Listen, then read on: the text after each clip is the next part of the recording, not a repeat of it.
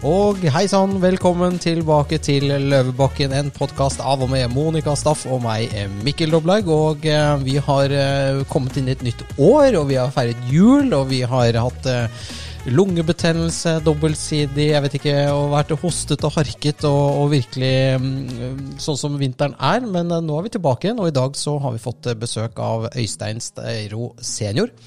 Han er skribent og tidligere diplomat, og jobber i dag som sikkerhetspolitisk rådgiver. Og hans kronikker er svært eh, analytiske og hardtslående, og gir leserne nye perspektiver på samfunnet, norsk og internasjonal politikk. Dette er også kanskje en av grunnene til at eh, hans kronikker er svært populære og blir delt vidt og bredt, Monica. Og så er han redaktør for et nettsted som heter Alternativ Forum, hvor vi kan da lese hans artikler. Men før vi går løs på Øystein og putter han på grillen og kjører han hardt, så tenker jeg Går det bra med deg? Det er jo lenge siden.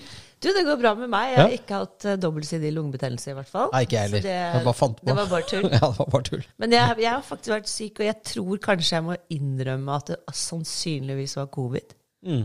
Jeg liker jo ikke å Snakke om det, men jeg tror Nei, jeg, jeg liker jo ikke å være syk, og jeg Nei. har liksom bare blåst av den coviden alltid. Jeg hadde en liten runde når den kom første gangen. Men nå ble jeg faktisk relativt dårlig en god stund. ja, jeg òg. Så, så det, det, var sånn det ble. Ja. ja. Så, så, nei, jeg har vært litt uh, syk faktisk i starten av dette 2024 som tegner til å bli et drittår på alle mulige måter. ja, og til å ta oss inn i drittåret, så må vi ha en, så, en god analytiker. Ja, altså det, de ser jo ikke så veldig lyst ut med Midtøsten og Ukraina og Russland, selv om vår venn Asle Toje mente at der går det mot en eller annen løsning snart. Mm. Ja. Men ingen vet jo. Ingen vet. Det er i hvert fall plenty av dritt rundt overalt.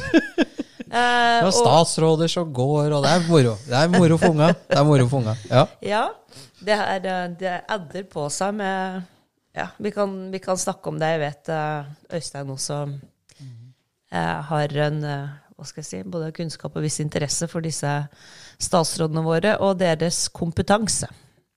Men først, eh, når vi snakker om, eh, om stat, og vi snakker om eh, Norge og stater generelt, så er jo et demokrati eller Det består av to ting. Det er at staten har monopol på vold, og staten har monopol på å ta inn skattepengene våre. Det er liksom de to tingene.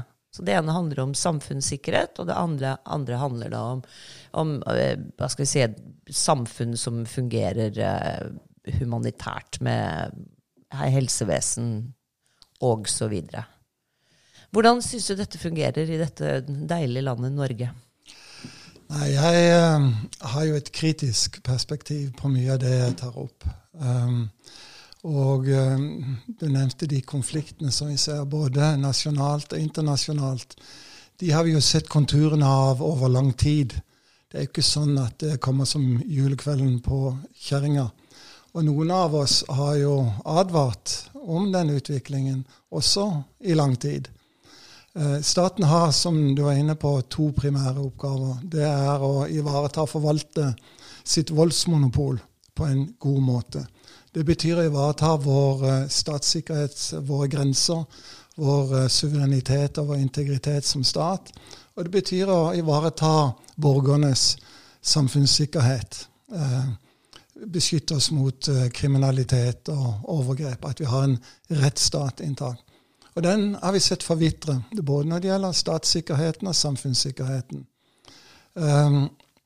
Når det gjelder um, uh, vår sikkerhet som nasjon, så skjedde veldig mye rundt årtusenskiftet, da Forsvaret ble mer eller mindre nedbygd.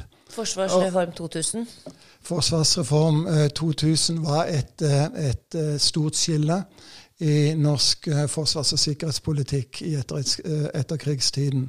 Den kan sammenlignes på mange måter med den forsvarskommisjonen som ble nedsatt i 1933, hvor også det sterke forsvaret vi hadde i, i 1905, som holdt oss utenfor, eller som gjorde det mulig for oss å å få vår suverenitet etter å ha vært 525 år under dansk og, og svensk overherredømme. At vi hadde en sterk forsvarsmakt da, var helt avgjørende for at ikke det kom til krig med Sverige. På samme måte som det var avgjørende i 1914 å holde Norge utenfor den store den første verdenskrig. Mm.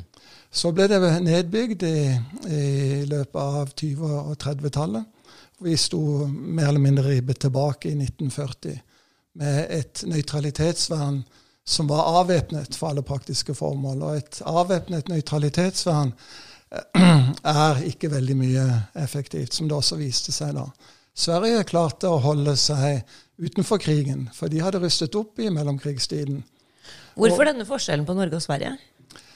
Ja, det kan man jo spørre tiden? seg om. Det er veldig vanskelig å, å, å, å, kunne forklare. Men svenskene var mer forutseende, på samme måte som finnene mm. er mer forutseende i dag med hensyn til den uh, uh, sikkerhetspolitiske utviklingen i mellomkrigstiden uh, fra 33, da, da, nazistene kom til makten i Tyskland, og de, de autoritære ideologiene tidligere i, i Russland med den russiske revolusjonen og etter hvert med nazismens fremvekst i, i Tyskland og mellom Europa i mellomkrigstiden. De så disse trekkene tidlig og rustet opp og klarte seg på den måten å holde seg utenfor krigen, mens Danmark og, og Norge um, ble okkupert. Lette bytter, for å si det sånn. da. Vi hadde, ja, ikke, hadde ikke, så mye å stille opp med. Det var en uh, okkupasjonsstyrke i første bølge på under 10 000 mann ja. som inntok Norge.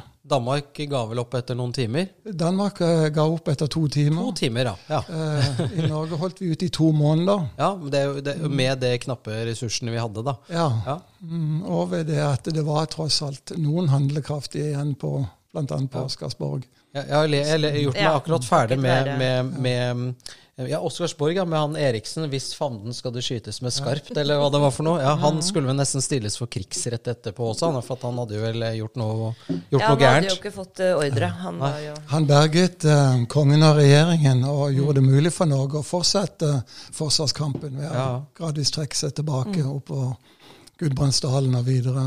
Helt opp. Og Narvik og Men jeg tenker på, jeg, har lest mm. ferdig en bok eh, en, en, en, Prøver du å skryte av at du har lest ferdig en hel bok? Jeg har lest én bok i hele mitt liv, og den var tykk som et uvær. Og den handler om Jens Christian Hauge, ja. som var vår forsvarsminister etter mm. krigen og ledet Milorg. Ja. Eh, og han Eh, det er veldig, veldig spennende liksom, å lese om denne naiviteten også etter krigen, med nøytralitet og om man skulle bli med i Nato eller ikke. og sånne ting. At man etter å ha vært okkupert i fire år, ja. nei, fem år, så, så, er fortsatt så har noen en sånn, sånn, sånn, naiv Akkurat som ikke krigen hadde skjedd. Nei, vi skal være nøytrale. Vi, vi, vi, må hva er, denne, hva er denne tankegangen som er inni hodet på politikere? Det er jo helt merkelig?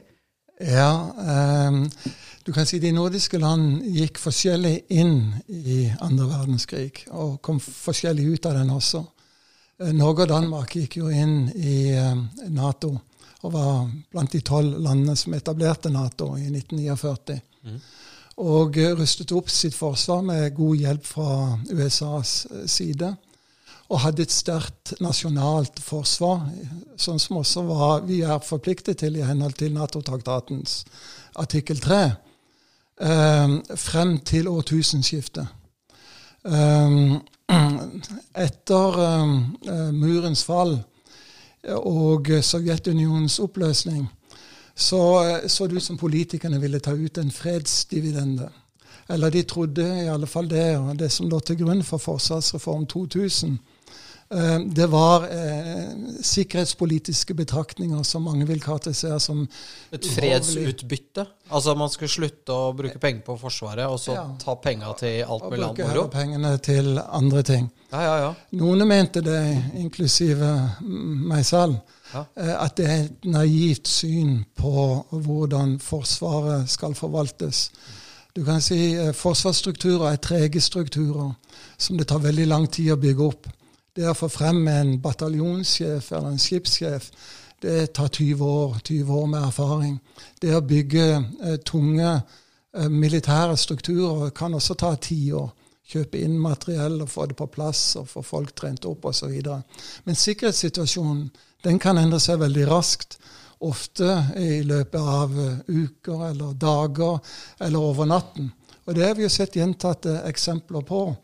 Eh, alle de krigene som vi har sett etter andre verdenskrig, har jo funnet sted uten at noen har kunnet forutsi dem. De har kommet mer eller mindre som julekvelden på kjerringa, holdt jeg på å si. Eh, overraskende. Og det er et karaktertrekk ved militær strategi. Det er det at det er det uforutsette, det uventede, det er det som vil inntreffe. Hvis vi tror at russerne kommer over grensa Jakobselv, så kommer de garantert en helt annen plass. Ja. For å Ja, sette litt på spissen. Og på et annet tidspunkt. Ja, ja. Og sånn var det også med krigen i Ukraina. Og sånn er det med store um, samfunnsmessige omveltninger på et makroplan. Eh, de skjer uventet. Det samme var med murens fall og med Sovjetunionens oppløsning. Det var ingen som forutså noe av dette. Og Derfor må vi bygge forsvarsstrukturer som er varige, og som eh, Det er som forsikring. Du kan ikke tegne forsikring når brannen startet. eh, har startet i, på loftet. Ikke sant? Da er det for sent. Men det skjønte ikke politikerne. Ikke sant? Og de bygde ned Forsvaret til et, eh, en brøkdel av hva det var under den kalde krigen, og en brøkdel av hva vi har behov for for å kunne ivareta vår nasjonale integritet. Hvor- Hvor stor er Forsvaret nå? Ja, det er ganske betydelig lite. Vi, hvis du skal måle i, eh, i antall eh, soldater vi kan mobilisere, så er det omtrent 50 000, litt i overkant. Til sammenligning kan Finland mobilisere nærmere en million mann om det skulle være påkrevd. Oi. Hvor Så- fort da? Ja, Det vil nok ta noe tid å mobilisere såpass mange. De har en reservestyrke på 600 000. Men å Ja, de blir gradvis. altså De Ja. får ut 100 000 her og 100 ja, jo. Men vi har jo liksom- avviklet den allmenne verneplikten i Norge. Mm. Slik at vi har ikke så mange å trekke av.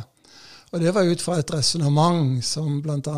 tidligere forsvarssjef Sverdisen sto for, om at det hadde funnet sted et militærteknologisk paradigmeskifte, og at det var overlegen teknologi som ville være avgjørende. Men er det noe vi har lært i ettertid, siden årtusenskiftet, både i Afghanistan og i Ukraina, så er det at volum er helt avgjørende. Norge har i dag en hær på eh, en eh, 3456 mann eller noe sånt. Og som en general beskrev, riktignok etter at eh, Eller da han var i ferd med å gå av, eh, ikke var tilstrekkelig til en gang å kunne forsvare en bydel i Oslo. Og det er realiteten i dag. Og det er uforsvarlig etter min mening. Og det har jeg påtalt siden 2004, tror jeg det var. Og da, blir, da, da mener folk at du er litt sånn negativ og dårlig stemning, og Ja, du slutter med dette her, Steiro. Krigshisser, ikke sant? ja, ja, ja. alarmist og? Du må huske Du vil at det skal bli krig, du? Nei, nei, nei, nei. nei tvert imot. Nei, jeg bare. Du må jo huske at uh, årsaken til at vi har et forsvar, det er at vi ikke skal bruke det. Mm. Faren med å ikke ha et forsvar er at du skaper et maktvakuum som lett kan bli fylt. Og det ønsker du ikke som en selvstendig nasjon. Eh, Du ønsker å forhindre at det finner eh, sted krig eh, på ditt eller nær ditt territorium. Og Norge er en geopolitisk utsatt stat ved, i kraft av vår beliggenhet og i kraft av våre naturressurser. Og Det er dårlig forstått. For de sikkerhetspolitiske forutsetningene man la til grunn for Forsvarsreform 2000 rundt årtusenskiftet, det var eh, totalt urealistiske. Det ble påtalt av meg og noen få andre på det tidspunkt. Det ene var det at Norge ikke lenger var strategisk viktig. Det andre var det at um, integrasjonen var kommet så langt i Europa at muligheten eller faren for krig ikke var å se overskuelig eh, i, i framtid. Det anså man som en umulighet. Nå har vi jo sett at vi så jo både med eh, Georgia i 2008, Ukraina i, i 2012 14, og nå ved eh, invasjonen i Ukraina 24.2 i 2022, at det var eh, en totalt urealistisk forutsetning. Det Men det er mye ønsketenkning ute og går? Ja, det er en merkelig naiv eh, ja. ønsketenkning som er nesten uforklarlig. Men det er også sterke politiske krefter ved det at vi har en politikerstand som i liten grad, etter min mening, evner å tenke langsiktig og ta langsiktige eh, strategiske eh, beslutninger basert på velfunderte eh, analyser. Eh, vi har et sikkerhetspolitisk og, og, forsvarspolitisk fagmiljø som er betalt av den samme staten og de samme politikerne, og som er avhengig av å få sine budsjetter og sine stillingshjemler fylt og som eh, snakker politikerne mer eller mindre etter munnen. Det er et mm. voldsomt konformitetspress og veldig lite alternative synspunkter som får komme frem. Det er ikke noe ytringsfrihet i den sfæren der, altså? Det er jo ikke noe formell sensur i så måte, men den uformelle sensuren, stigmatiseringen, det har vi jo sett veldig tydelige eksempler på i Forsvaret. De få eh, generalene som eh, eh tørte å ta til motmæle, de ble sanksjonert ganske raskt tidlig på 2000-tallet. Noen fikk sine karrierer ødelagt, noen fikk rett og slett sparken. Eh, under tidligere forsvarsministre som Kristin Krohn Devold og ja, det, det, er flere som har um, mye å svare for i den Så sy synderegisteret er langt, holdt jeg på å si? Ja, også noe jeg kom til å tenke på som er kanskje litt på siden, men du snakket om den allmenne verneplikten, og så tenker ja. jeg i hvert fall eh, minst én sønn som hadde godt av å ha hatt et år i Forsvaret. Mm. Og jeg tror tenker på den oppdragende effekten det har på generasjoner av unge mennesker. da. Eh, skal man jo heller ikke kimse av. Det at du har mistet på en måte den muligheten. Du kan si det, eh, Verneplikten, sånn som vi kjenner den fra tidligere, gjennom hele den kalde krigen, helt til den ble avviklet I dag er det omtrent en tredjedel av årskullene som avtjener verneplikt. Det er ikke obligatorisk verneplikt lenger. Men den eh, bidro veldig mye til å bygge samfunnslimet og eh, gi en bredere forståelse for folk fra ulik geografisk bakgrunn, ulik sosial bakgrunn. Eh, som vi ser f.eks. i Finland, hvordan forsvarsviljen i Finland, er, hvor sterk den er som en del av at de har fortsatt allmenn verneplikt.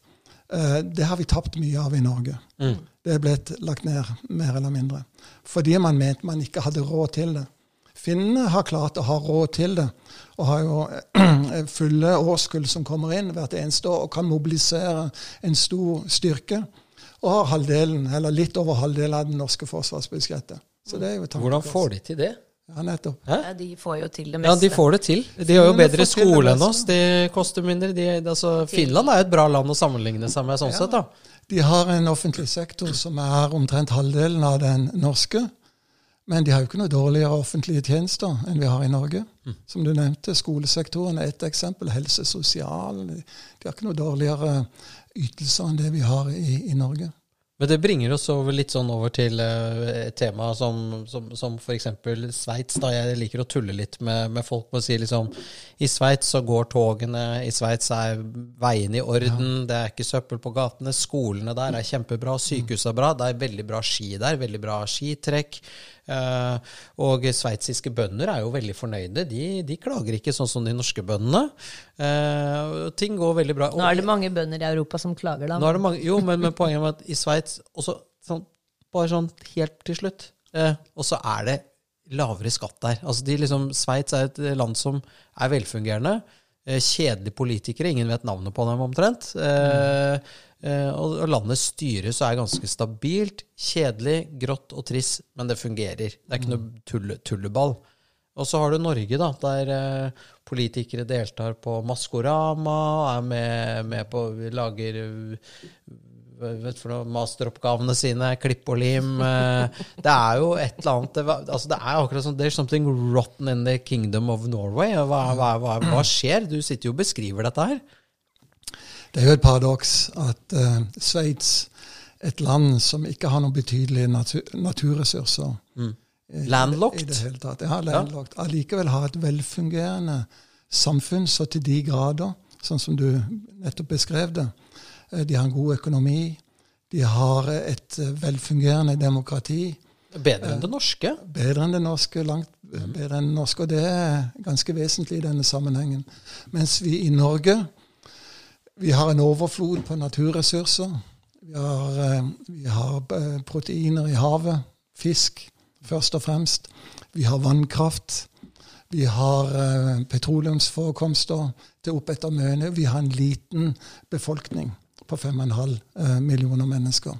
Vi har alle forutsetninger til å kunne være det mest vellykkede landet i, i, verden på alle mulige måter. Men så har vi en politikerstand som ikke fungerer som den burde gjøre. Det er en illusjon å tro, etter min mening, at vi har et velfungerende demokrati i Norge. Og fungerer ikke demokratiet, så fungerer heller ikke politikerne.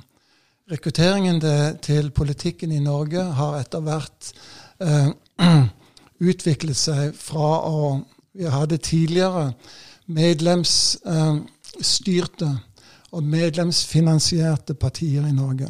I dag er det statsfinansierte partier hvor medlemmene betyr veldig lite.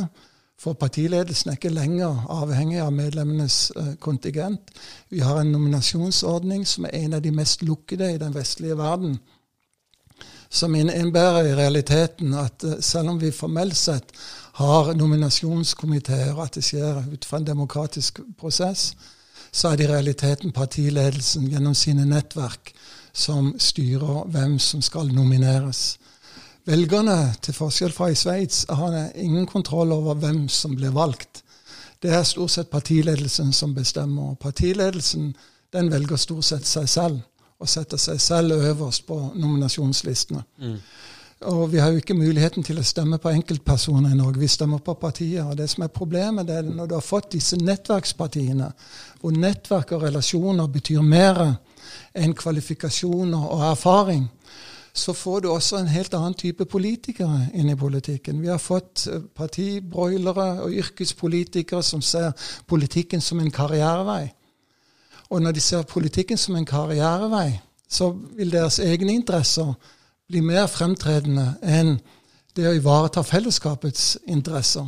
Og interessene til de velgerne de representerer, naturlig nok. Du, på Stortinget er det godt å sitte. De har en god lønn, ofte en lønn som er langt høyere enn den eh, de fleste av de ville kunne hatt i det private næringsliv. Mange av disse har eh, knapt nok yrkeserfaring. De har blitt karrierepolitikere. Eh, vi har hatt en statsminister som har jobbet tre uker på Akvariet i Bergen. Vi har statsråder som vi har en, eh, ja, Det er eneste erfaringen de har hatt utenfor. Hvordan kan mennesker som, som ikke har hatt noen erfaring utenfor partikorridorene, eh, eller stortingskorridoren og, og, og partiapparatet, kunne eh, ta beslutninger, robuste, solide beslutninger på vegne av en befolkning som tross alt jobber på sløyelinja i Hammerfest, eller, eller de, de, har andre eh, eh, jobber som disse her ikke har vært i nærheten av, annet enn når de har blitt flydd inn og besøkt en bedrift i halvannen time kanskje, og, og reist tilbake igjen. Ja. Det er klart at representativiteten i demokratiet forsvinner. Selv om vi har et eh, formelt sett skårer høyest nesten på alle demokratiindekser, reelt sett de facto så fungerer ikke demokratiet. Det har forvitret over tid ved at vi har fått en fremvekst av nettverkspartier og yrkespolitikere som egentlig først og fremst representerer seg selv og deres egne interesser. Og det ser vi jo nå med alle habilitetssakene? Hvor dette kommer til overflaten. Og antageligvis er dette bare eh, isfjellet vi, vi, ser toppen av. Um, og, og, det er klart det at eh, hvis ikke du lenger rekrutterer på bakgrunn av erfaring og kunnskap og, og meritter for øvrig, så får du en politikerstand som er mindre kvalifisert til å drive god politikk. Og det er det jeg tror vi ser resultater av i Norge i dag. Forskjellen er betydelig i forhold til det eh, politiske systemet i, eh, i Sveits. Der har du politikere som eh, fortsatt um, jobber i sine vanlige yrker, og som møter og representerer, som blir valgt og som blir holdt til ansvar for de handlingene de gjør som politikere. Uh, og du har politikere som er høyt utdannede og, og, godt kvalifisert innenfor de fagfeltene de sitter på. Vi hadde en vi har hatt en statsråd, f.eks. en energiminister, som også har jobbet Jeg tror hun hadde jobbet uh, var det tre uker på Karlingen en sommerferie. Ja. Og de skal sitte og bestyre 30 år gamle skal sitte og bestyre et helt departement. Mm. Og det et av de viktigste departementene vi har. Mm. Uh, det sier seg selv at dette her blir galt. Det blir feil. Og det, det Altså, dårlige politikere, dårlig politikk. Mm. Og Det er det vi lider av i Norge i dag. og ikke demokratiet fungerer på den måten det skal, sånn som i Sveits f.eks., hvor det fungerer langt bedre, hvor du har eh, hvor politikerne, det de står for, i større grad reflekterer det befolkningen står for, f.eks. innvandringspolitikken. Sveits har en veldig regulert og, og, kontrollert innvandringspolitikk. Det var de to største partiene som, som, som representerer det folket egentlig mener om innvandringen. Uh, og du har hyppige folkeavstemninger som blir brukt både lokalt og sentralt i, i, viktige spørsmål, som de norske politikerne er livredde for etter at de fikk grasrota midt i fleisen i 1972 og i 1994. Men allikevel fikk lurt Norge inn i EU gjennom EØS-avtalen, som jeg selv var med og forhandlet. Ja, og der er det jo også en stor forskjell på, på Sveits og Norge. For Sveits skaffet seg vel en frihandelsavtale uten å avstå noe suverenitet i det hele tatt? Ja, jeg jeg, jeg, som jeg nevnte, så var jeg med i EØS-forhandlingene. Og, og, og, på ekspertnivå. Og så hvordan sveitserne var først og fremst opptatt av å vareta Sveits' nasjonale interesser. Men hvor vi på norsk side som forhandlere hadde klare instruksjoner fra politisk ledelse om å få Norge inn på, uh, Selv om det var så fort som mulig. Nesten uansett. Legg, legg, deg på rygg og si ja, liksom? Det det, sånn, uh, ja, det, ja. for å trekke det langt, så, ja, så, så, kunne det nesten se sånn ut. Når embetsverket kom med notater til enten til utenriksministeren eller til regjeringen eller til, uh, til statsministerens kontor, og det var motforestillinger, så ble de raskt sanksjonerte. Og Det er jo ikke sånn embetsverket skal fungere i forhold til eh, politisk ledelse. Man ville ha Norge inn for enhver pris. Og Det så vi jo under EU-stemningen også. Det var den sentrale eliten i Oslo som ville ha Norge inn i EU. Mm. Det var ikke befolkningen og grasrota for øvrig, og særlig ikke ute i de distriktene. Sveits derimot, de var kyniske og, og steinharde. Vi, hadde akkurat, vi forhandlet sammen med Sveits og med Finland og med Sverige. Finland og Sverige de uten forvarsel hoppet av prosessen og startet bilaterale forhandlinger direkte uh, med EU om medlemskap. Det kom totalt uventet på oss mm. fra norsk side. Sveitserne de kjørte sitt løp og ville uh, ha uh, tilgang til det indre marked. Sveits hadde ingenting å forhandle med. Ingen naturressurser, ikke noe vannkraft. ikke noe olje. Gjøkur og noe Toblerone-sjokolade. Ja, ja, og noen klokker. Ja, ja, Men de sto hardt på sitt og fikk det sånn som de ville. De fikk full gang, adgang til det indre marked, men beholdt sin selvråderett selv. I Norge skjedde det motsatte. Nå 14 000 EU-direktiv siden. Så har vi sett hva konsekvensen av det er blitt. Det er, vi, vi, snakket jo om dette i sted, Mikkel, fordi jeg hadde altså EU-kontroll. Det er bare tull. ikke sant? Du må ha i bilen din uh, med jevne mellomrom for at de skal se på den og så stemple godkjent EU-kontroll. Ja. Bygger om tunneler etter EU-direktiver. Det er veldig mye greier. Ja. Det hadde vi sluppet, ikke sant? Ja, vi kunne ha sluppet veldig mye rart hvis vi hadde ivaretatt uh, egentlig, Vi kunne ha gjort som Sveits og fortsatt den frihandelsavtalen vi hadde tidligere. Mm. Og hatt full tilgang til det indre marked. Um, vi kunne hatt full kontroll over um, Eh, vannkraften vår, hvis de hadde ønsket det. Men det ønsket politikerne ikke. Ja. ikke Vi kunne hatt full kontroll over gasseksporten vår. Som EU, for, uh, bare for å nevne det, i 2002 krevde at Norge eh, nedla eh, dette, Vi hadde et, et, slags samordningsutvalg som koordinerte eksporten av gass fra Norge til EU. Det mente de var en kartellvirksomhet. Så det ble tvunget nedlagt. Mens de nå har selv etablert i, i 2023 et gassimportkartell i EU for å kontrollere importen av gass fra Norge til EU. Slik at det indre eh, markedsprinsippene forvalter EU helt etter sitt eget forgodtbefinnende. Og det har de gjort hele tiden, på Norges bekostning. Og vi som har, vi hadde, vi har alt det EU trenger EU har knapt med råvarer. Vi har flust med råvarer. Norge er en råvareproduserende økonomi, og, og, vi har alt det som er viktig for EU. Vi har vannkraft, vi har olje, og vi har gass, og vi har fisk. Hvorfor er vi så elendige forhandlere og sitter med luen i hånden og bare liksom altså det, Ja. det, det virker jo helt absurd. Vi hadde jo alle kortene på hånden. Forhandlerne i UD gjør stort sett det hva politisk ledelse krever av dem. Men det er et merkelig Har man Eh, ikke lyst til å gå fra bordet da? mm? Har man ikke lyst til å gå fra bordet? Jo, eh, men ja. Du vet, det er, eh, det er akkurat som i Forsvaret. Jeg vil tro at eh, 90% av det norske offiserskorpset har ment akkurat det samme som jeg har ment om den kritikken som har vært fremført mot forsvarsreformen. Men det er tross alt eh, deres Politikerne yrke. som bestemmer. Ja, det er tross alt yrket deres å være tilpasningsdyktige. Sånn er det jo i store byråkratier. Er du ikke det, du, så blir du sanksjonert på den ene eller den andre måten. Det kan være at ikke du får det opprykket, eller i UD at ikke du får den stasjonen som du mente du hadde eh, var kvalifisert til, osv. Eller at uh, Huitfeldt kanskje får den isteden. Ja, det det er sykt. Uh, uh, Anniken altså jeg, jeg, hun virker jo som en eh, helt helt ålreit eh, dame eh, på mange måter, så jeg har ikke noe mot henne. Men det er liksom Hvorfor skal hun til Washington? Liksom, er hun den best kvalifisert av absolutt alle som jobber i utenrikstjenesten? Og er det ikke mange som da føler seg erfaring? forbigått og blir rasende, tenker jeg. Og så sitter du på sikkerhetskonferansen i München og bare får høre fra Lindsey Graham That's the most naive thing I've ever heard. Ja, altså, den, er, den er ganske ubetalelig og Ja. ganske dekkende også, vil jeg påstå. ja, kanskje ikke vi skal sende henne til Washington? Jeg tror ikke det er så veldig lurt. For, for det første jobber hun jo ikke i UD. Hun er jo ikke Hun er stortingsrepresentant. hun er stortingsrepresentant. Skal ikke slutte. Og mye av det hun har gjort som, uh, i utenrikskomiteen og som utenriksminister, er jo ikke akkurat veldig mye å skryte av. Annet å ta Taliban til Norge.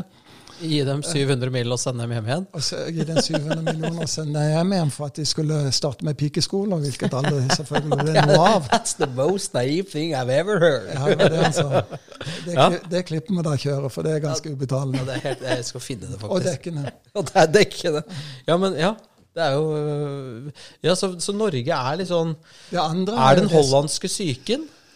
Ja, det er nok uh, store innslag av det. det. Det andre elementet som er ganske viktig, og som vi også har sett tidligere, som, som UD brant seg på under det forrige eh, valget, da Trump vant i 2016, ved at man i Washington stort sett har bare pleiet eh, demokratene, mens republikanerne der er nettverket svært dårlig utbygd i UD. Hvis vi nå skal sende Huitfeldt, som jo er eh, eh, jeg vil ikke si forhatt, men som i hvert fall ikke har noe nettverk blant eh, republikanerne, og det skulle bli en republikansk president nå i USA, så vil den norske ambassaden stå mer eller mindre på bar bakke. Ja. Hun har vel heller ikke noe respekt, som kanskje er det viktigste. Nei, akkurat som dette klippet i avisa. Helt fantastisk. Og nå er det jo eh, stor sannsynlighet faktisk for at det blir en republikansk president, og kanskje mest sannsynlig at det blir eh, Donald Trump.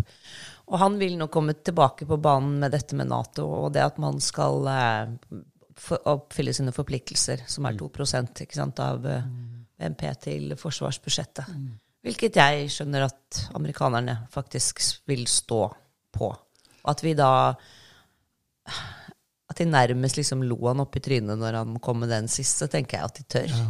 Det er jo blitt fremstilt i norske medier eh, som om Trump var mot Nato og negativ til eh, eh, forsvarssamarbeidet. Det nordatlantiske forsvarssamarbeidet. Det er jo fullstendig feil. Trump eh, ville bare, og som for så vidt Stoltenberg også har bekreftet som Nato-sekretær, at eh, Nato-landene, inklusive Norge, skulle betale sin rettmessige andel av Natos budsjett. Eh, Det er vi forpliktet til i henhold til artikkel 3, og vi er forpliktet i henhold til et toppmøte som ble holdt i 2013. Men vi har ennå ikke gjort det. Vi ligger fortsatt på 1,5% mens vi skulle ha ligget på 2% Ja, vi betaler ikke hele forsikringspolisen. Vi betaler Nei, bare litt. Nei, nettopp. Ja. USA betaler eh, over 70% av de totale forsvarsutgiftene i Nato. Og det er jo takket være USA Altså Vi sover under den amerikanske sikkerhetsparaplyen, da, for å si det sånn. Eh, takket være USA da, så kan vi ha et sånt lite drittforsvar og bruke pengene på Taliban og alt mulig annet, og ikke bruke det på forsvar. For det er jo litt sånn de så Man ler av USA, ikke sant, ha-ha, sånn, men de betaler jo regningen for oss. De betaler regningen for Tyskland, Frankrike, England, kanskje ikke Polen, kanskje ikke Ung... Altså det er jo noen land som, som betaler for seg, men Som oppfyller som oppfyller kravene, men ved at de betaler for Nato, så slipper vi å gjøre det, og da kan vi bruke pengene på andre ting. Ja, det er nok slik politikerne har tenkt. Eh, men det er også en annen side ved dette som vi bør være klar over. Eh, når USA betaler eh, en stor del av regningen for forsvaret av Europa, så er det ikke bare for å forsvare Europa, men for å forsvare seg selv. Og det er noe vi bør være klar over i et land som Norge, som ligger eksponert som et slags fremskutt forsvarsperimeter mm. for USA. For USA er ikke primært her for å forsvare oss. De er ikke så opptatt av nordmenn. De er primært her for å forsvare seg selv. Sine egne premisser. Men selvfølgelig, det trekker vi også veksler på. Ja, ja, ja. Er ja. Han er nærmest seg selv. At, ja, Derfor er det viktig også at det skjer på våre premisser, og ikke på USAs premisser. Mm. Og Derfor er det mange av oss, meg selv inklusive, som er skeptisk til eh, etableringen av amerikanske baser på norsk jord. Mm. Som også svenskene uh, har gitt sin tilslutning til å finne. For på den ene siden, som det gir oss økt forsvarskraft, så øker det også spenningen. Det å kunne bringe uh, uh, offensive våpen inn på russernes dørterskel. Mm. Og er det noe et land eh, ikke ønsker, så er det for det første selvfølgelig å unngå krig. Men eh, dernest å unngå krig på eget territorium. Og der ligger vi veldig utsatt til. Mm. Mm. Og vi ønsker å, eh, Derfor er det viktig at vi øker vår egen forsvarsevne, først og fremst. Og eh, i tillegg ha gode forhold til våre allierte. Mm. Så, det, ja, så, det, er tosidig, egentlig? Det, det, det er mitt syn. Mm. At vi har nå forlatt det, det som var basepolitikken som vi hadde under den kalde krigen. Det er betenkelig. Ja, altså Det er to ting. Det er å kunne faktisk ha noe å komme med til amerikanerne hvis de sier de vil etablere base på norske hus. Ja. Vi hadde hatt et sterkt forsvar selv. Vi har sagt nei, trenger ikke det. Ikke vi har. Ja. Og samtidig at man er såpass, så, har et så sterkt forsvar at du kan opprettholde en nøytralitet. Sånn som ja. svenskene gjorde. Ja, dette, altså, dette med svenskene var faktisk eh, litt flaut å si, men helt nytt for meg. Ja, men også Under hele den kalde krigen så var jo Sverige var helt vilt. De hadde jo sånne oljelagre i så svære De sprengte jo svære haller i fjellet der de hadde olje for flere år. Og de hadde jo ja, de har jo Brofors eh, altså, Nei, eh, Bofors. Altså, de lager jo våpen. De lager jo egne jagerfly. Altså Sverige har jo ikke kjøpt noe F-16. De har sine egne JAS uh, Saab uh, har det ikke det JAS Viggen, eller uh, ja. Jo, og de har jo sine egne Heggelundsvogner. De har CV90-stridsvognene som vi bruker i Norge. Det er jo, det er jo svensk. Det er egne artillerisystemer. Mm. Altså Svenskene er jo egentlig sånn good to go. De har jo sitt eget system. Til tross for at ikke de har noen oljesektor, eller nettopp pga. det, så har de en differensiert industri. Ja. Det har jo ikke vi i Norge. Nei. Vi har en petroleumssektor, og vi har eh, fiskeri og litt bergverk og sånne mm. greier. Men vi har jo ikke en differensiert industristruktur, slik at vi står temmelig mye på bar bakke. Dersom og når skjer, ja. Sverige er jo en industrinasjon. Ja, nettopp. Ja, Men de har vel gruvedrift og tilgang på råvarer på den måten, da, hvis de driver så stor produksjon av eh, ja, det er Ting SSAB. som lages av stål. Ja, det, det er store. Økselesund, SSAB Økselesund. Ja, ja. og så, så Svenskene har liksom en, eh, en, en, fungerende diversifisert økonomi, da. Selv om det er mye annet dumt det er gjort. Da. du snakket jo om eh, her om eh, maktvakuum, og du, Monica, introduserte dette med voldsmonopolet. Altså, det var jo 100 år med borgerkrig i Norge òg, i fravær av en konge som kunne ha monopol på, på, på vold. Mm. ikke sant? For, og nå ser vi jo svenskene. Der har politi, altså Staten har jo ikke noe altså Maktmonopolet til svenske politi er jo borte i store områder. Og, og, og, nå er det noen andre som har fylt det vakuumet med klaner osv. Nå begynner vi å se det i Norge med eksplosjoner og sånne ting. At, og det tror jeg mange ikke tenker over, at du betaler skatt, og, og slik at staten skal beskytte deg mot andre, og så skal ha et retts, rettssystem som skal være en tredjepart som skal være nøytral og megle mellom megler mellom mennesker som krangler. Mm. Og når det blir borte, så får du jo klansystem. Da spiller ingen rolle hvem du har en dommer. Da er jo den som er størst, vinner. Ja. Og den som er mest voldelig, vinner.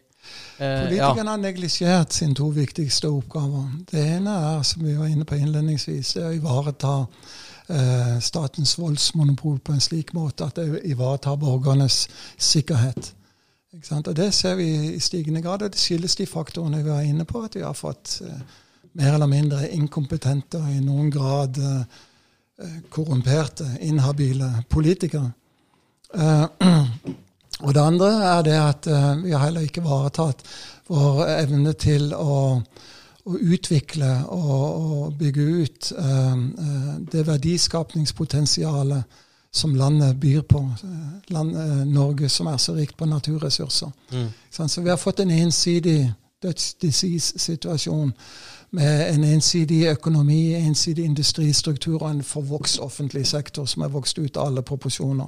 Men tilbake til det med uh, alliansepolitikken og forhold til USA igjen som vi også uh, var inne på innledningsvis. Det som er viktig å være oppmerksom på der, det er det at en, allianse, en avvæpnet alliansepolitikk, altså hvor vi ikke har et tilstrekkelig nasjonalforsvar, er like risikabel som en avvæpnet nøytralitetspolitikk var det uh, i mellomkrigstiden og før andre verdenskrig.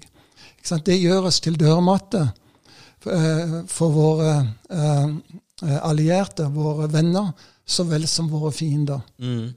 Våre politikers fremste oppgave er å sørge for at krigen ikke kommer her. Denne politikken øker faren for at krigen kan komme her. Mm. Og den befinner seg nå rett utenfor vår stude og har gjort det i over to år, og går snart på tredje året, uten at man har foretatt seg noe av særlig betydning. Ja, Vi har sendt ut alle artillerigranatene, alle Carl Gustavene og RFK-kanonene. og alle, Alt vi hadde i Norge, er jo nå i Ukraina. Vi har bevilget 87,5 milliarder kroner til Ukraina. Ja. Mens, og Stikk i strid med den siste forsvarskommisjonens anbefalinger, som har gjort uh, knapt nok noe. Man har bevilget 1 milliard mer til det norske forsvaret PT. Mm. Og det er et miniforsvar i dag. Og vi er for alle praktiske formål i krig, både militært og økonomisk, med vår stormaktsnabo som vi deler grenser med i øst. Mm. Det er, det er jo en, en proxykrig, egentlig. Ja, vi er for alle praktiske formål. Ja, jeg, jeg, har jo, som uh, tidligere konsul for uh, Kasakhstan, så har jeg jo liksom kontakt med kasakhstanerne, og de sier jo det rett ut at Eh, det som går på russisk fjernsyn, det er jo det at eh, russerne sier også at de er egentlig ikke i krig med ukrainerne. Ukrainerne er jo broderfolket. Den de er i krig med, er Vesten. Det er vi som har Det er vår skyld, USA og Europa, Tyskland og Norge sin skyld, at det er krig i Ukraina. Og er, krigen handler egentlig om Nato mot Russland. Og det er det som blir sendt på fjernsyn i Russland. Det er det russerne går og tror. Ja. Det bør vi forholde oss til, altså. Ja, det er klart at det som, slik man ser det på den andre siden av gjerdet, mm. vil være annerledes enn det slik vi ser det på vår side av gjerdet. Mm. Det er klart det at krigen i eh, Ukraina har to sider. Mm. Eh, både at den er i strid med folkeretten, mm. dermed liten tvil, men at den også kan betraktes som fremprovosert fra Vestens side. Mm. Eh, ved å provosere eh, eh, Russlands helt åpenbare strategiske sikkerhetsbehov. Den har veldig mange paralleller ved seg med, med Cuba-krisen i 1962. Ja, med utplassering av våpen på Cuba. Ja, missiler på Cuba, ja. Og det fant jo ikke amerikanerne seg i. De nei, jo Monroe-doktrinen. Ja. Skulle russerne utplassere eh, baser f.eks. i Mexico. Hva ville skje da? Ja. Altså, så det er en, en fullstendig eh, mangel på paritet eller ja. i eh, sikkerhetspolitikken globalt sett mellom stormaktene. Ja. Og der det, ser vi jo da at store deler av verden reagerer på USAs tiltatte rolle som verdenspoliti. Og det reagerer man også på i amerikansk innenrikspolitikk etter hvert. Man mm. ser at dette skaper bare kriger. Det har skapt en rekke kriger i Midtøsten og andre plasser siden, siden andre verdenskrig. Og hver eneste krig har USA tapt. Mm. Ja, faktisk. Det er ikke mange de har vunnet. Skjer? Og hva er det som skjer etter en tid? Nei, de har ikke, kan du nevne noen? Kuwait er den eneste. Ja. Operation men Desert har, Storm, that was it. Det har funnet sted et tyvetalls kriger, men de har tapt hver eneste en. av hva er det som skjer? Akkurat det samme som nå kommer til å skje i Ukraina. Etter en stund så trekker USA seg ut. Da de orker de ikke alene. Da orker de ikke mer, som de nettopp gjorde i Afghanistan. Ja, så klapper de sammen. Ja. Kanskje var det bedre om USA bare holdt seg borte Men det er det her jeg da er redd for, er det at i det øyeblikket USA trekker seg ut av Ukraina, og det klapper sammen, da, så går da alle rundt i Russland og da har fått liksom fire år med indoktrinering at det, det er ikke Ukraina For da slutter krigen i Ukraina, men det er oss de er i krig med. Hvis du skjønner, hvis folkeopinionen i Russland er at det, det er Norge og, og, og Polen og, og Baltikum osv. som er fienden, så trenger jo ikke krigen å stoppe der. Da vil jo de bare fortsette, da. For det, de er jo ikke kvitt Nato. Det er og det er Nato offisielle- de er, er i krig mot. Det er jo det offisielle narrativet i dag, at det er farlig å la russerne vinne i Ukraina. Ja, ja. Russerne kommer til å vinne i Ukraina. Det De tror jeg også å- kan skje, ja. De kommer til å sitte med eh, Luhansk og, og grense eh, Donbass og Kherson og- og, og, Krimhalvøya Ja. etterpå. Og kanskje de klarer å komme seg helt til Odessa, for den Jeg saks tror russerne har fått seg en alvorlig lærepenge. Ja. Selv om det går sent å mobilisere i Vesten. Og vi ser jo dette, at russerne har klart å, å få sin økonomi på krigsfot. Og eh, de har økt sin selvforsyningsgrad betydelig. De har orientert seg mot Kina, Iran, eh, de alliansefrie landene i Afrika eh, og i Asia for øvrig. Mens vi sliter med å rett og slett kunne f.eks. produsere tilstrekkelig med artillerigranater. Russerne pøser på med mellom 40 og 60 000 granater i uka. Ukraina klarer 6000 granater som er produsert i Vesten. Russerne har kommet til siget. Ja, de har kommet til siget, så til de grader. Men det vi må være klar over på lengre sikt, så representerer den russiske økonomien, eh, selv om det er verdens største land, 3% av den totale økonomien i de vestlige OECD-landene.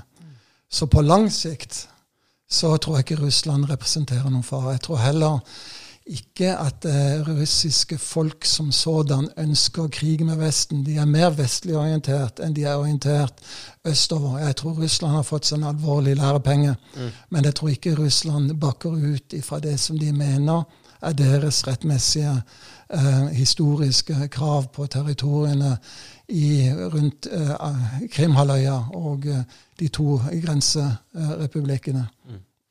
I Odessa er det jo russisk som er språket. Det er ingen som snakker ukrainsk i Odessa. Over 80 nettopp. eh, av befolkningen på Krimhalvøya snakker russisk. Ja. ja, dette blir veldig det, det, Ja, det blir et spennende år 2024, altså. Hva, hva skjer? Ja, det Ja. som sagt. Tror det blir et møkkaår. Men uh, det er jo en annen ting jeg tenkte vi måtte snakke litt om også. Det er denne store, store store kreftbilden som har vokst frem etter andre verdenskrig, som kan kalles kanskje det humanitærpolitiske kompleks. Ja. Kan du, kan du NGO-er og ja, forklare litt om hva, hva er dette for noe greier? Som koster oss Hva er denne kreften i samfunnet? Ja, altså Det som skjedde tidlig på 90-tallet Omtrent da jeg søkte permisjon fra UD, uten at det det er noen sammenheng for øvrig, så fikk du en reorientering i norsk utenrikspolitikk. Eh, Den såkalte engasjementspolitikken overtok for det som tidligere var en mer realpolitisk tilnærming til omverdenen. Og eh, det førte til at bl.a. bistandspolitikken fikk en voldsom ekspansjon. Vi fikk eh, Oslo-prosessen og hele dette kjøret rundt at vi skulle legge om og bygge det norske omdømmet om til å bli fredsmegler og bistandsyter og en humanitær stormakt. Ja, jeg elsker det ordet. En humanitær stormakt. Så utenrikspolitikken ble lagt om ganske radikalt. Det var et kvalitativt skifte som fant sted. Fordi vi hadde blitt så rike at vi følte liksom at eh, Ja, det kan man jo kunne vi begynne med litt sånn filantropi? Ja, det kan man jo spekulere om. Det som i alle fall skjedde, var at realismen forsvant ut av utenrikspolitikken. Interessepolitikken forsvant. Og det sammenfaller jo også med globaliseringspolitikken i hele den vestlige verden. Altså en denasjonalisering av de statlige interessene våre. Interessepolitikken som vi hadde forfulgt tidligere.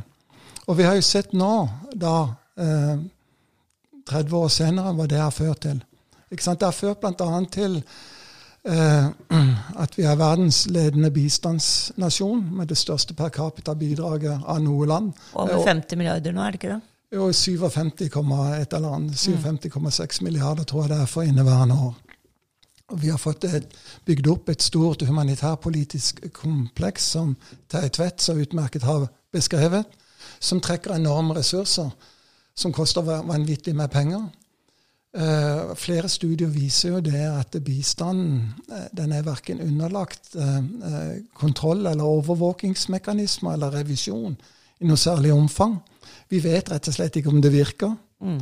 Vi vet ikke om det er bortkastede penger. Ofte så ser vi at det er åpenbart bortkastede penger som går til private NGO-er vi ikke har oversikt eller kontroll over, som bl.a.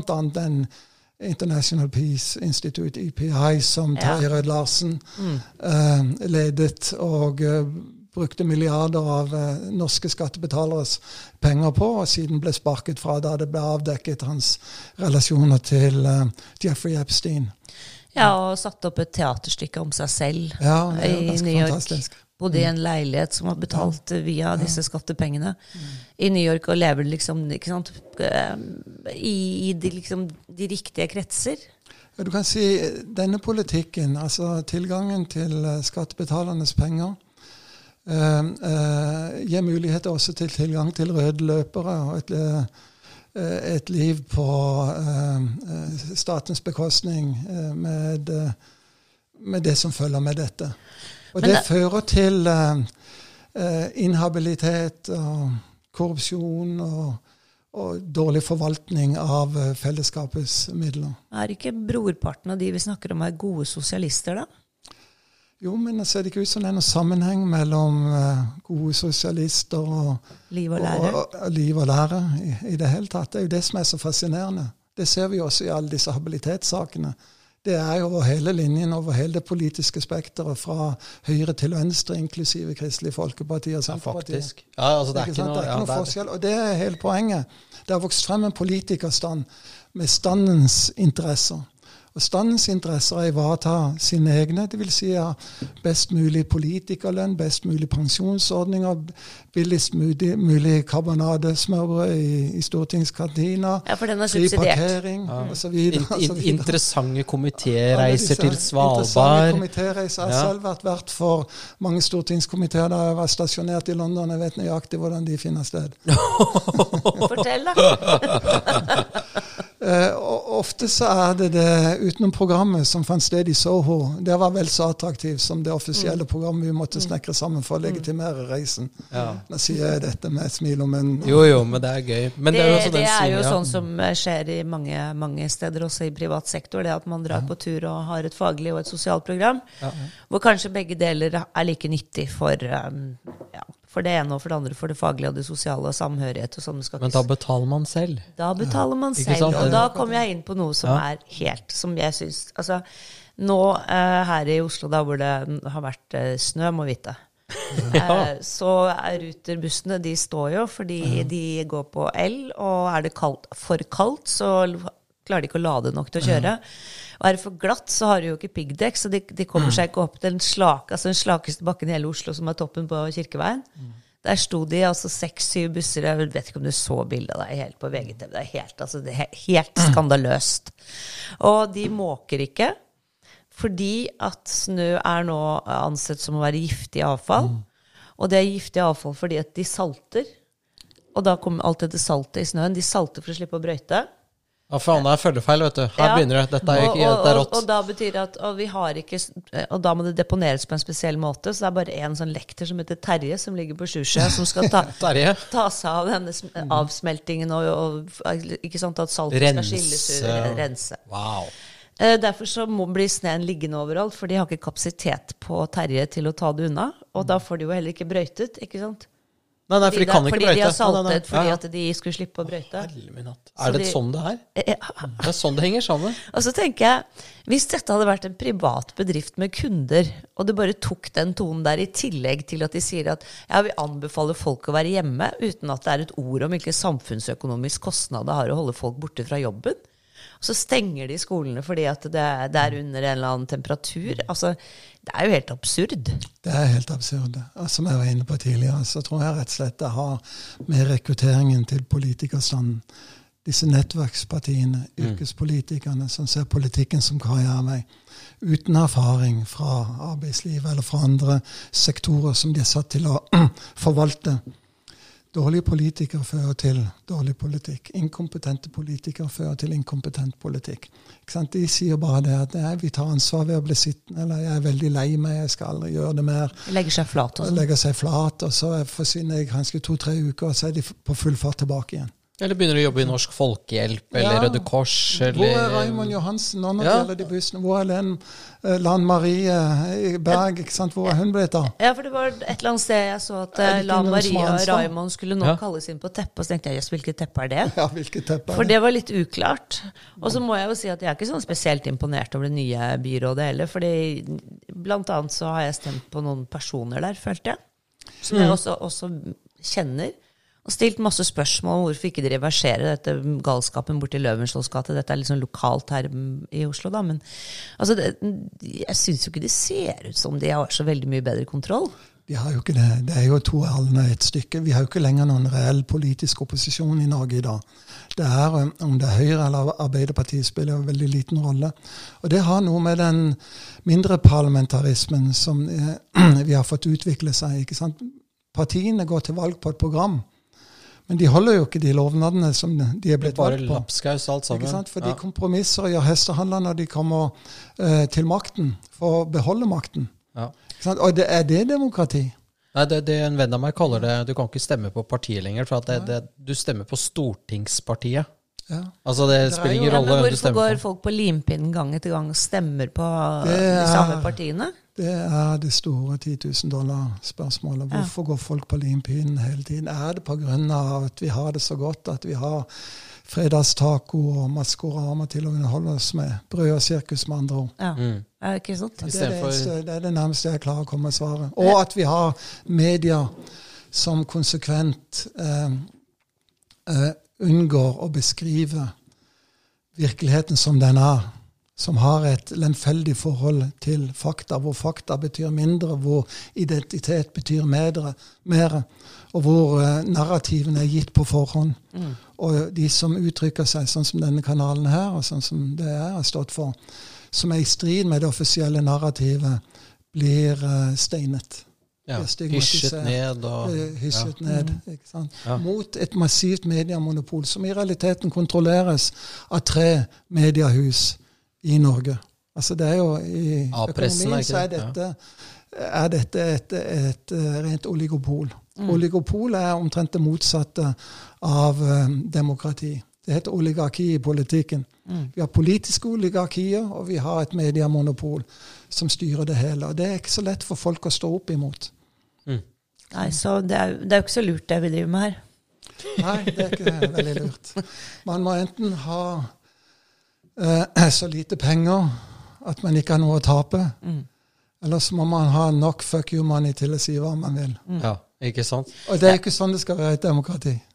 Nei, og det er jo veldig trist ikke sant, at vi har folk som da, disse som kommer ut av Forsvaret og blir pensjonister, det første tør de å si hva de mener. Ja. Og fortelle hvor ille det er, og, og hvor, hvor, farlig det er den veien vi er på. Ja. Mm. Men, men det har jo vært like farlig hele tiden, og det tenker jeg at folk rett og slett ikke tør. Det er jo bare trist, ja. og feigt er det jo på mange måter, men ja. man kan jo skjønne det når ja. man har familie å forsørge, og det er ikke bare å, å tas, altså, å stå og tale Roma midt imot, kan vi si det? Hvorfor gjør du det? Eh, jeg har råd til å si hva jeg mener. Nettopp. Du er en fri mann. Ja. Hadde jeg jobbet i UD, så ville jeg ikke vært i stand til å kunne gjort det. Nettopp.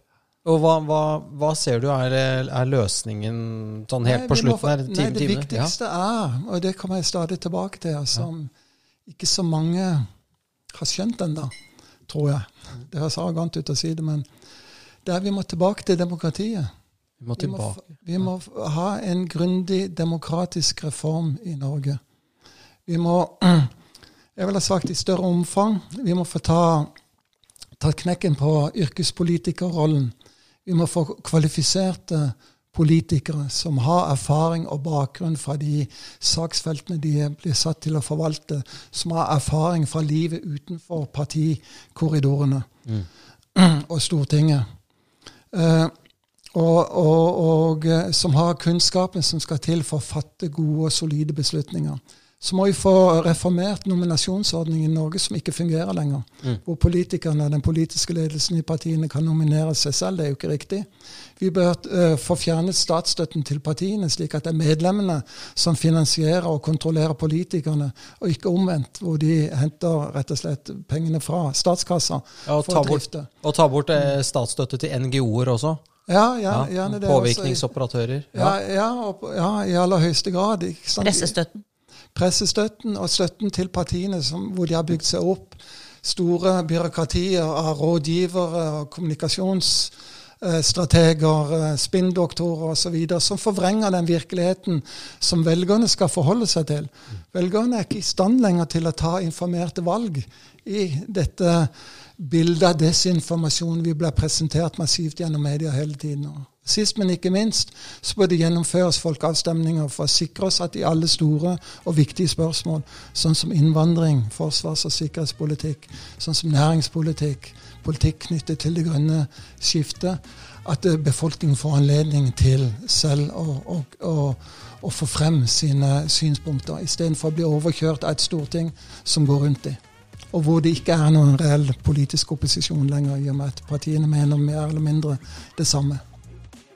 Syns dette var en veldig fin eh, avslutning, eh, La- Øystein. Ja. La oss håpe det lar seg gjøre. ja. Tusen ja, vi takk. har ikke noe alternativ annet enn å håpe på at vi kan få demokratiet tilbake. Ja. Tusen takk for at du kom, Øystein. Ja, hyggelig. Og eh, Monica, takk for eh, at du Jeg tror ikke noen la merke til at jeg løp her ute et øyeblikk. Du holdt stand. Ja, det Den bløde sørlandsdialekten til Steiråsen bar oss videre. Ja. Det var ikke min fortjeneste, det. Adios. Adios. Takk for oss.